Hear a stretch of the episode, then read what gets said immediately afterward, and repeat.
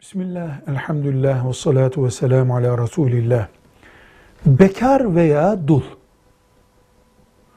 Müslüman bir kadınla evlenmek caiz ise, bu caizliği Allah koyduğu için caizdir.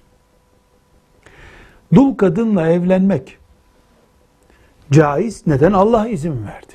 Allah'ın izin verdiği şey için kötüdür, uğursuzdur denebilir mi?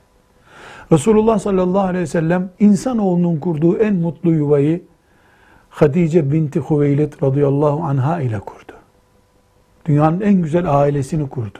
Hatice tam anlamıyla dul bir kadındı. Bütün dul kadınların evlilik sertifikası Hatice anamızdır. Dul kadın ayrımı çok da doğal bir ayrım değildir. Evet genç bekar biri bekar bir kadınla evlensin tercihi yapılır. Ama genç bekar çok yaşlı bir dul kadınla evlense dinen bir sakıncası yok. Ahlak olarak bir sakıncası yok. İnsan tabiatına aykırılığı yoktur. Velhamdülillahi Rabbil Alemin.